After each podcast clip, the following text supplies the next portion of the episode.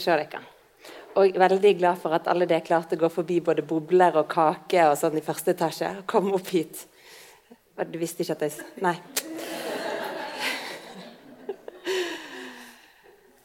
Jeg har altså skrevet en avhandling om arbeiderkroppen, har den som tittel. Så da skal vi nå ta en liten Skal det få en liten sånn introduksjon til. Det er ei sosial, økonomisk så vel som ei politisk omveltning som preger slutten av 1800-tallet, 1800-tallet og inngangen til 1900-tallet i Norge. Det er sterk industrialisering. Det er blitt, perioden er blitt kalt det store hamskiftet og eh, sosialdemokratiets tidsalder. Og dette er tidsalderen for kroppsarbeid. Og Hører en til arbeiderklassen i denne perioden, så er en avhengig av en sterk og arbeidsfør kropp. Jeg måtte ha en sterk kropp for å kunne jobbe på veveriet, i gruva, på sagbruket eller på fabrikken. Og Ved overgangen til 1900-tallet så får arbeideren og arbeiderperspektivet av den grunn plass i litteraturen vår. Han blir for første gang skildra, og vi får vår arbeiderlitteratur. Og I dag handler det altså om arbeiderkroppen eller arbeiderkropper. Og det vil si kroppen til kroppsarbeideren. Hva er en arbeiderkropp? Hvordan ser han ut? Han kan jo tenke seg at han ligner denne illustrasjonen her, der en nesten ikke kan skille kroppsdelene fra arbeiderens verktøy og maskin som man skal håndtere. Eller kanskje går tankene når en snakker om kroppsarbeider til sånne typer, som gruvearbeidere i Kirkenes eller tegelsverkarbeidere. Eller en tenker kanskje at arbeiderkroppen ser sånn ut. Det er litt mørkt, dette bildet, men dette her er fra et jernverk malt i 1870. Og en legger jo merke til disse her, eh, sterke mannskroppene, sterke armer, kraftfulle eh, i sitt uttrykk. I fanekunsten fra samme periode så finner en jo tilsvarende sterke mannskropper. Eh, dette her, som er gjengitt på en utgave av arbeiderbevegelsens eh, historietidsskrift, dette er revolusjonsfanen fra Rjukan. Den er på Unescos verdensarvsliste. Eh, den ble lagd på bestilling fra Malm og Jern Metallarbeiderforeningen. Og Det var på Rjukan og Notodden at åttetimersdagen ble kjempa for først og innført. Eh, og innført i 1919. Og dette var, i likhet med fanen, som man kan se, inspirert av den russiske revolusjonen. Og både her til venstre og her på den noe eldre Platearbeidernes forenings eh, fane, så er det igjen den sterke, den helt enorme eh, muskler på denne karen her eh, mannskropper som blir vist fram. Arbeiderpartiets plakater fra 1930-tallet har òg en sånn sovjetinspirert estetikk. Det er kanskje dette er den mest sånn, uh, kjente, eller som de kjenner igjen. Og hvis noen er spesielt interessert, så kan jeg anbefale eh, Nasjonalbibliotekets eh, nettressurs om dette temaet, om eh, norsk og russisk eller sovjetisk plakatkunst. Men for oss er det mest interessant å se hva type kropper og at de er i arbeid som er det viktigste, og målet om at hele folk er i arbeid som en politisk agenda. Og med den samfunnskritiske, satiriske filmen 'Modern Times', og den er fra samme periode, 1936, så får Charlie Chaplin tydelig fram at arbeiderkroppen bør være sterk og effektiv.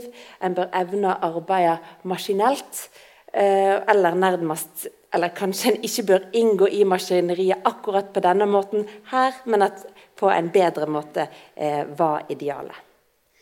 Men arbeiderkropper er selvsagt ikke bare kraftfulle, potente menn med sterke overarmer, skitne overaller, brei beinstilling og sånne rødmussende kjaker.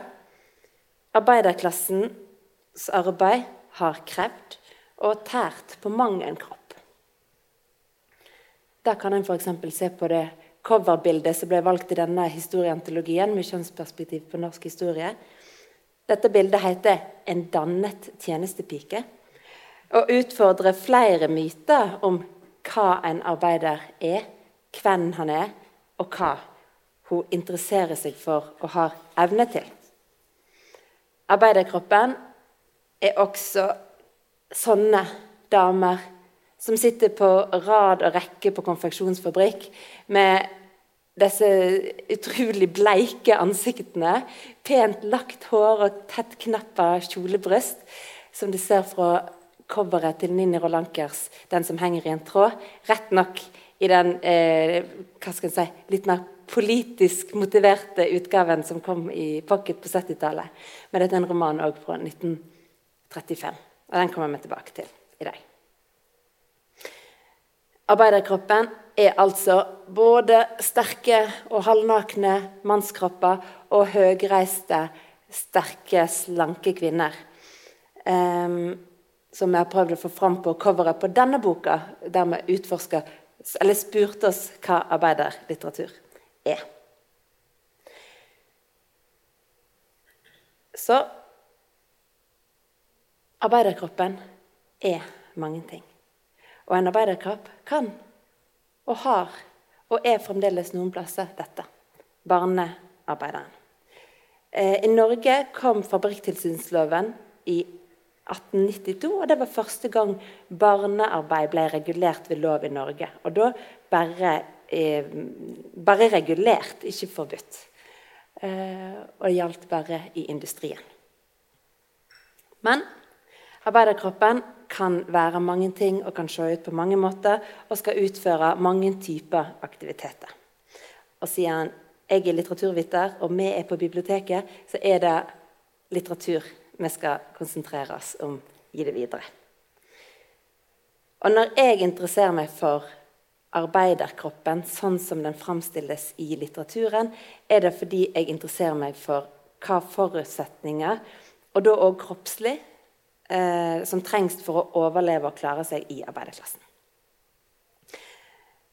Arbeiderkroppene i Kristoffer Uppdals tibindsverk, altså romansyklusen 'Dansen gjennom skuggeheimen', da skildrer han rallerne, jernbaneanleggsarbeiderne eh, i Norge ved overgangen til 1900-tallet, er merkte av arbeid. Jeg har da never. Han ser på de store, faste nevene sine. De er harde og rovlete og har treler i håndloven. Blir nok nevene som å ta i, skal en nå fram til pengene, hvordan så enn stigeren er. Det er når mi tru på trua, mi sak i saka. Det fysiske arbeidet gjør hendene grove, men òg sterke. Og Denne refleksjonen tilhører en av de aller første rallerne en møter i dette eh, tibindsverket. Han tenker med rette at det er hans egne hender som skal sikre han arbeid og lønn. Og altså sikre han overlevelse. Jeg opplever at å studere kroppen er en god måte å forstå arbeiderlitteratur på. Hvordan blir det opplevd å ha en arbeiderkropp? Hvordan kjennes det ut, erfares det? Og hva gjør det med kroppen å ha stått en hel dag nede i gruva eller sittet bøyd over symaskiner eh, i flere uker i strekk uten fridag? Hva betyr det for kroppen, måten en omgås andre mennesker eller inngår i et fellesskap på? Dette er spørsmål man kan stille seg når en leser litteratur, arbeiderlitteratur med blikk for hvordan kroppen framstilles. Hva har deltakinga i um, eller, Og jeg sier ved arbeiderkroppen, som jeg vil komme mer tilbake til når jeg om ca. en måned skal snakke om klasse og seksualitet, eh, vil være hvordan kroppen blir eh, regulert og kan brukes politisk, og kan være politisk i klassesammenheng. Men i dag er det to poeng som vi skal konsentrere oss om. Og det er for det første at den individuelle kroppen, eller den individuelle arbeideren trenger en viss type kropp for å klare seg i det miljøet, arbeiderklassen, sånn som det blir skildret i arbeiderlitteraturen fra begynnelsen av 1900-tallet. Og for det andre at arbeiderlitteraturen er rik på beskrivelse av hvordan arbeiderne må virke sammen. Som én kropp, som en kollektiv arbeiderkropp for å klare å få framdrift i produksjon og arbeid. Så la oss begynne med den individuelle kroppen. Om et helt avgjørende del for arbeideren. Vi har allerede vært inne på den, nemlig hendene. Det er hendene som blir arbeidsnevene, som blir sporet vårt i det videre. Åse Linderborgs roman 'En venn av biblioteket' hun har vært der flere ganger. Eh, sin roman fra 2007, 'Meg eier ingen', har tidlig i romanen denne skildringa av arbeiderpappaens hender. Og beklager, jeg leser det bare på sånn, eh, sånn eh, vossasvensk. Det som utmerkte pappa, var hendene. Store, grove, krumme og fulle av forhardneder. Herderhender. Innen han fylte 35, var de stele av fabrikksarbeidet. På kveldene satt han og forsøkte å rette ut fingrene, både skremt og stolt over at det ikke gikk. Titta, jeg har ingen hender, det er kjøttkroker. Her ser en pappaens hender gjennom barnets øyne. Og det vi kan merke oss her er at Gjennom fortellinger om eller beskrivelsene av hendene så kommer det både fram at arbeidet krever en sterk kropp, og at arbeidet setter merke på kroppen.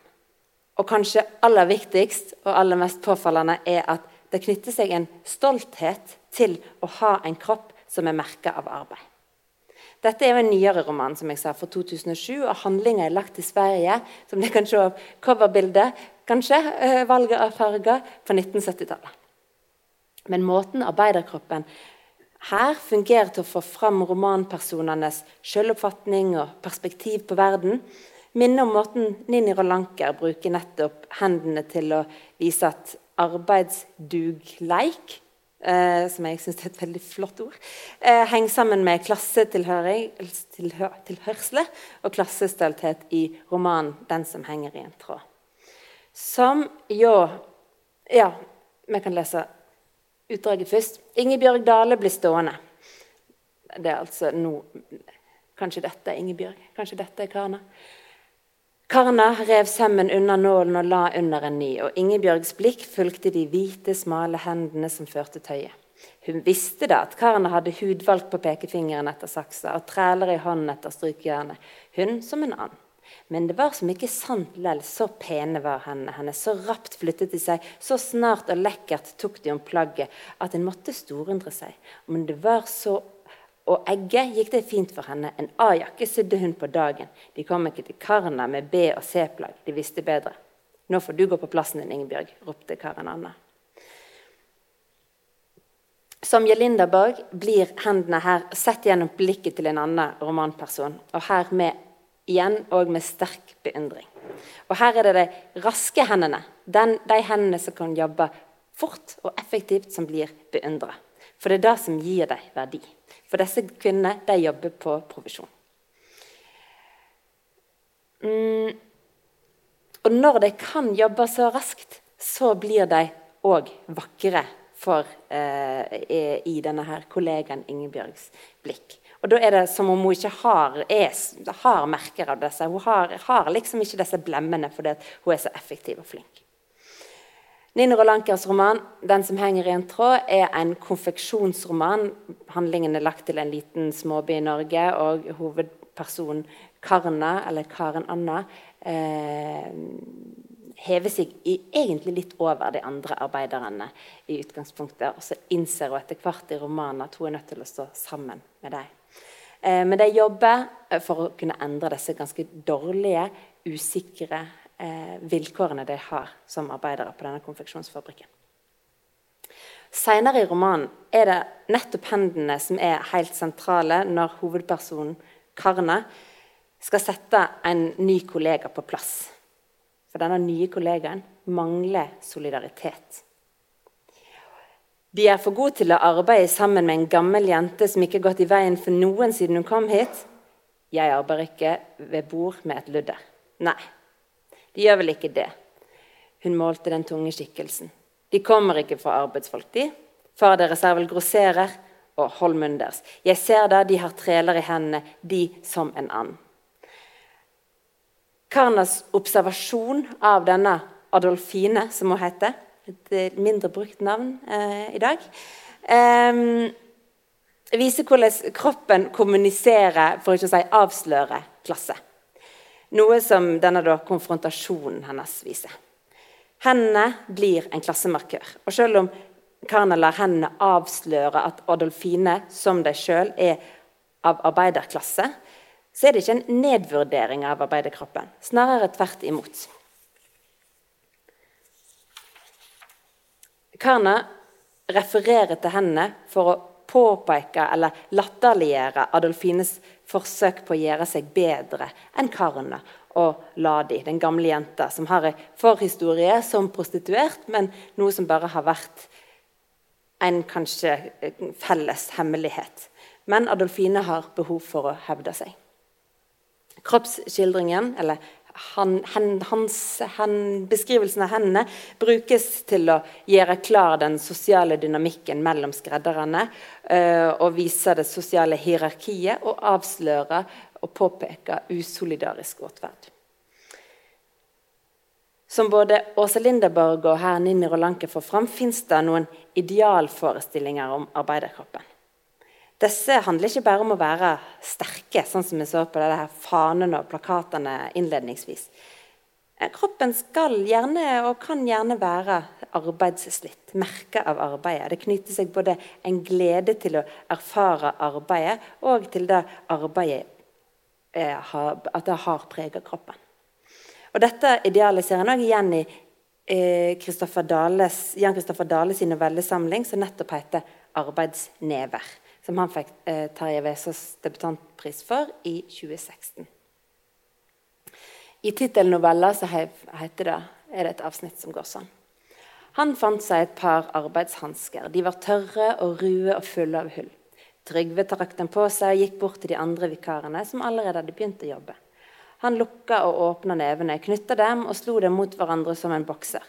Mor hans pleide alltid å skryte av arbeidsnevene til faren hans. Sånn skal nevene til en mann se ut, hadde han hørt henne si. Hun hadde kommentert nevene til Trygve sist han hadde vært på besøk, studert dem fra den andre sida av kjøkkenbordet. Så hadde hun tatt nevene hans i sine, holdt dem og strøket en finger over de ru håndflatene hans og konstatert med stolthet i stemmen at han hadde fått arbeidsnever. Framstillinga av hendene her markerer et ideal, og idealet blir oppnådd. Når dette idealet er oppnådd, så viser det en tilhørighet. Og Trygve er jo klart stolt og glad for denne anerkjennelsen fra mora.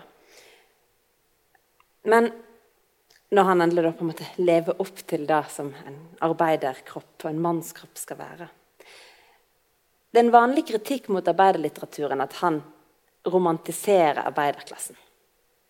Eh, og arbeiderklassens kamp og arbeiderens vanskelige situasjon.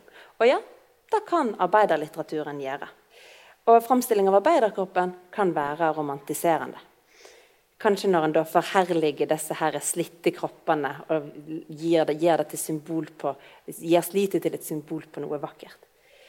Men da er det viktig å se hva sammenheng disse framstillingene står i. For ja, Trygve i denne fortellingen Eh, arbeidsnever opplever at dette er et uttalt ideal. Og ja, han opplever kanskje en, en gledesstolthet ved å når, når, mora tar disse arbeidsnevene i sine hender. Men han har òg en refleksjon rundt og en opplevelse av at han egentlig ikke hadde så mye annet valg. Han har møtt et skolesystem som ikke han kan komme gjennom.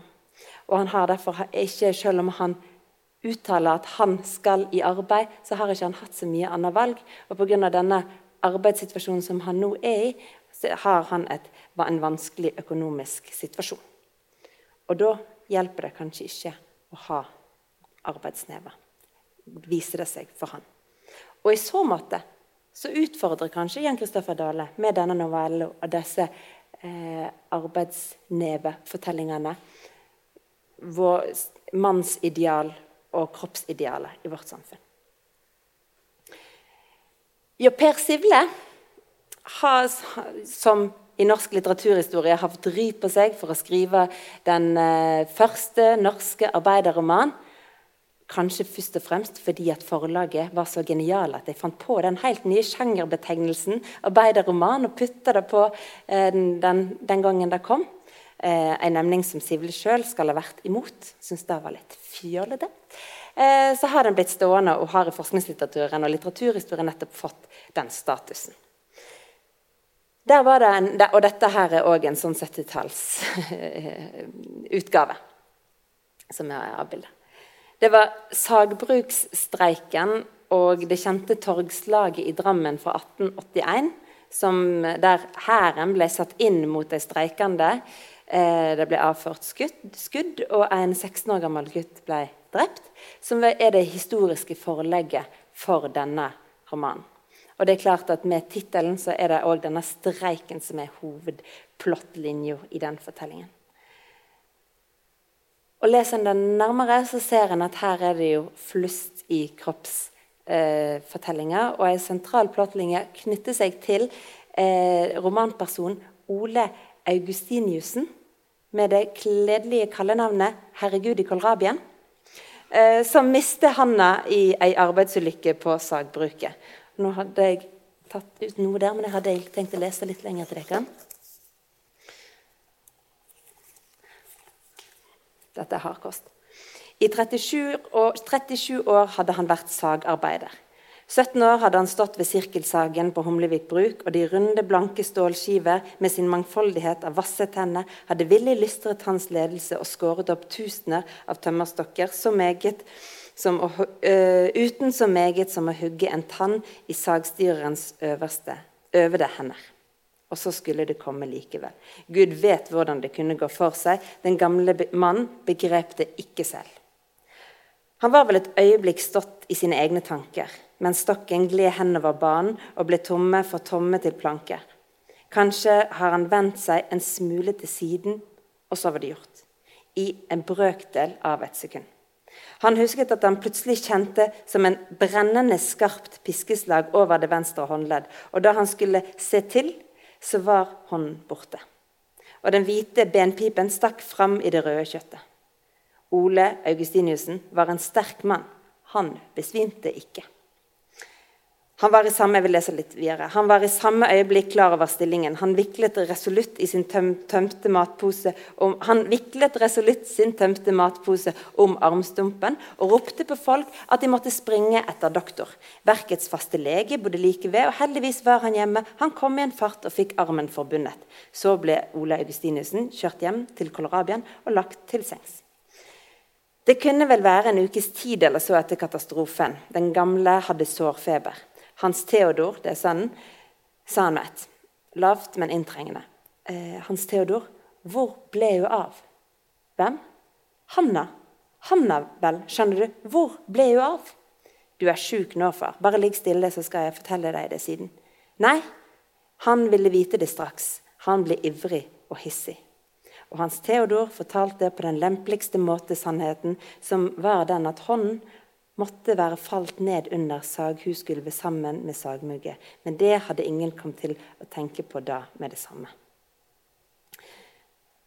Hånden ble ikke funnet, og dette var Ole Augustiniussen en, for, og dette var Ole Augustinussen en kilde til bitter sorg. Det sier jo en hel del om hendenes status. Og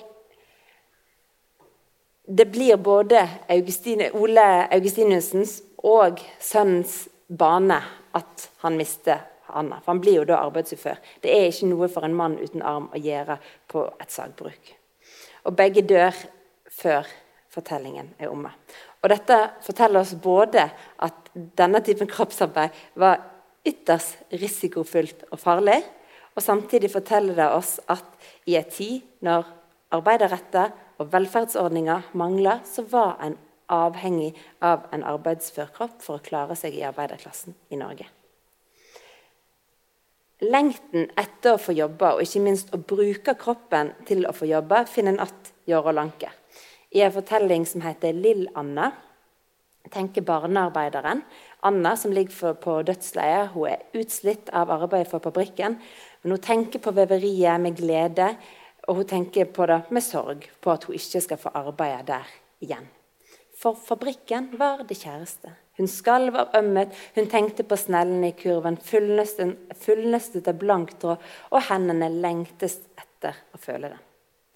Minnet om arbeidet og er ei helt sånn sanselig kroppslig erfaring for denne Lill Anna. Hun blir kalt Lill, fordi hun bare er så liten og sped, hun er jo i, i dette arbeidet, er, den sitter helt i fingrene. Og her formidles jentas sorg over dette livet som hun ikke ikke blir sånn som hun kunne tenkt seg, fordi hun er slitt ut av arbeidet, gjennom framstillingen av relasjonen til sin egen kropp. Dømene som jeg har gitt nå på hvordan hendene blir beskrevet på ulike måter Jeg kunne lagd en mye lengre liste. Eh, men det jeg har prøvd å få vist med disse som jeg har valgt ut, er at det fins ulike krav og ideal til hva en kropp skal kunne gjøre, og hva han skal klare, hvordan han skal se ut. Arbeidet kan merke og skade og slite ut arbeiderkroppen. Det kan knytte seg stolthet og glede til å ha en kropp som kan arbeide, og òg til en kropp som er merka av arbeidet.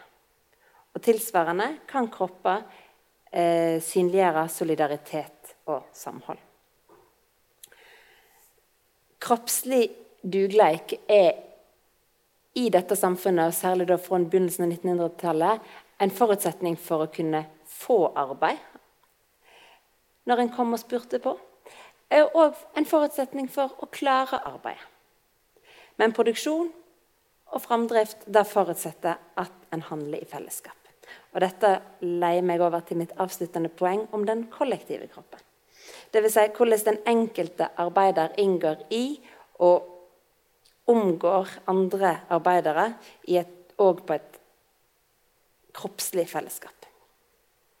Samtidig som den enkelte kroppen vises fram i arbeiderlitteraturen som en kilde til å forstå og få grep om, om utfordringene som den enkelte arbeideren står i, så kommer det òg fram i denne litteraturen hvor avhengigen er av et fellesskap. Og dette skal Rolanker og Uppdal hjelpe meg med å vise. Ja, Uppdal heter det i 'Stigeren', som er den første romanen i denne her eh, serien 'Dansen gjennom skuggeheimen', at det vart arbeidsomt for livet. Det vakna og lea seg allstad lik én stor kropp. Altså Alle arbeiderne inngår i en slags stor organisme eh, som bare slynger seg gjennom eh, gruveanlegget og får arbeidet til å skje. Og På lignende vis så skildrer Rolanker i 'Den som henger i en tråd' følelsen av som fabrikkvinnene har når roen endelig har senka seg på, i fabrikkrommet, på syrommet, ved bordet. Av opplevelsen av å være på samme plass og i samme arbeid på denne måten.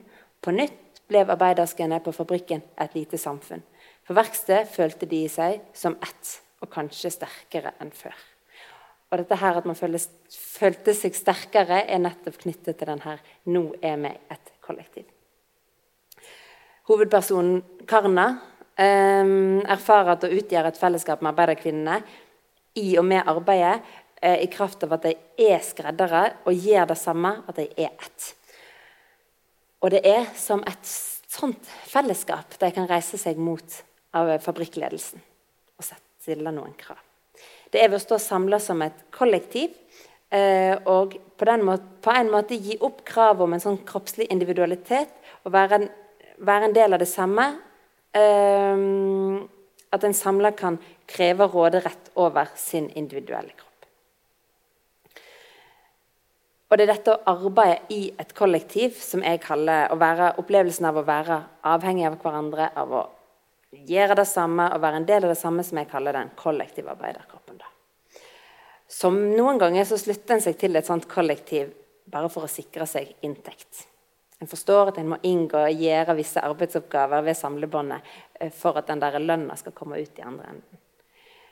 Noen ganger inngår en i kollektiv, arbeidskollektivet for i det hele tatt kunne overleve. Noen ganger lar romanpersonene i disse romanene og andre arbeiderromaner seg sluke av kollektivet og inngår mer instrumentelt i et kollektiv og ikke innser den utnyttelsen de blir utsatt for av den avmakta det er i. Eh, og står ukritisk i arbeidere eh, eller i fabrikken eller arbeidsgivers tjeneste. Noen ganger slutter en seg til kollektivet fordi en forstår at, for, at en må stå samla som en gruppe for å kunne kreve innen sine politiske, individuelle retter. Og Karna erfarer dette i, tydelig i 'Den som henger i en tråd'. Eh, og der blir det òg særlig Der blir, er det den uh, historien på en måte dobbel, for det gjelder både de arbeidsrettene og rettene knyttet kvinners uh, seksualitet. Som en viktig kamp på 30-tallet i Norge.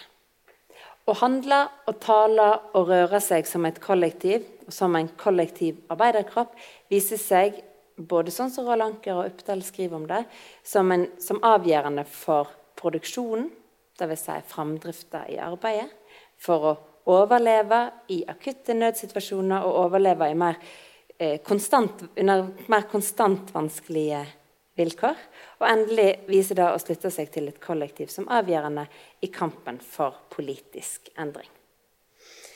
Så gjennom kroppens plass i tekstene får arbeidernes forhold til egen kropp eh, fram at den enkeltes evne og høve til å klare seg i arbeidermiljøet og kraft, kraften i kollektivet virker igjen inn på individets eh, frihet.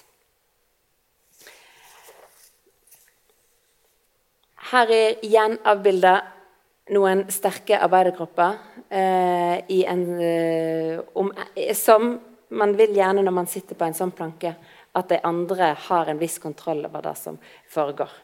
Eh, så i, når det kommer til forholdet mellom den individuelle kroppen, så kan jeg, vil jeg bare avslutningsvis tegne opp en sånn historisk dimensjon som man ser i det materialet som jeg nå har skissert for dere.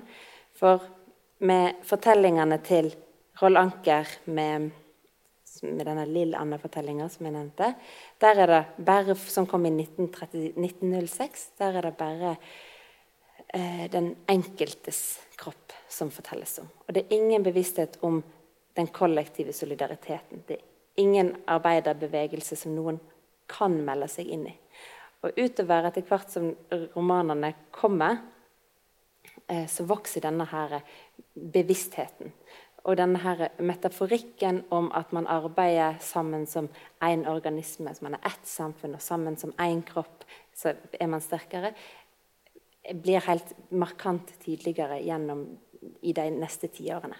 Så når hun da kan skrive at man er som eh, ett samfunn i 1935, så er det ikke bare en utvikling man ser i arbeiderlitteraturen, men dette er da helt parallelt med at nettopp arbeiderbevegelsen vokser fram i Norge. Lenger, man må ikke lenger skjule sitt medlemskap i, et, i en fagforening, men man kan eh, stå sammen med fagforeningen og kreve bedre retter, fordi man kan gjennom det arbeidet stå som et fellesskap.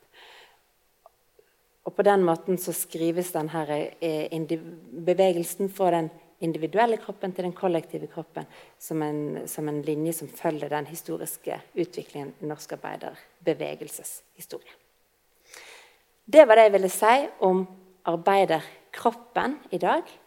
Det første av som Marie sa, tre sånne kortforedrag om uh, arbeiderlitteratur.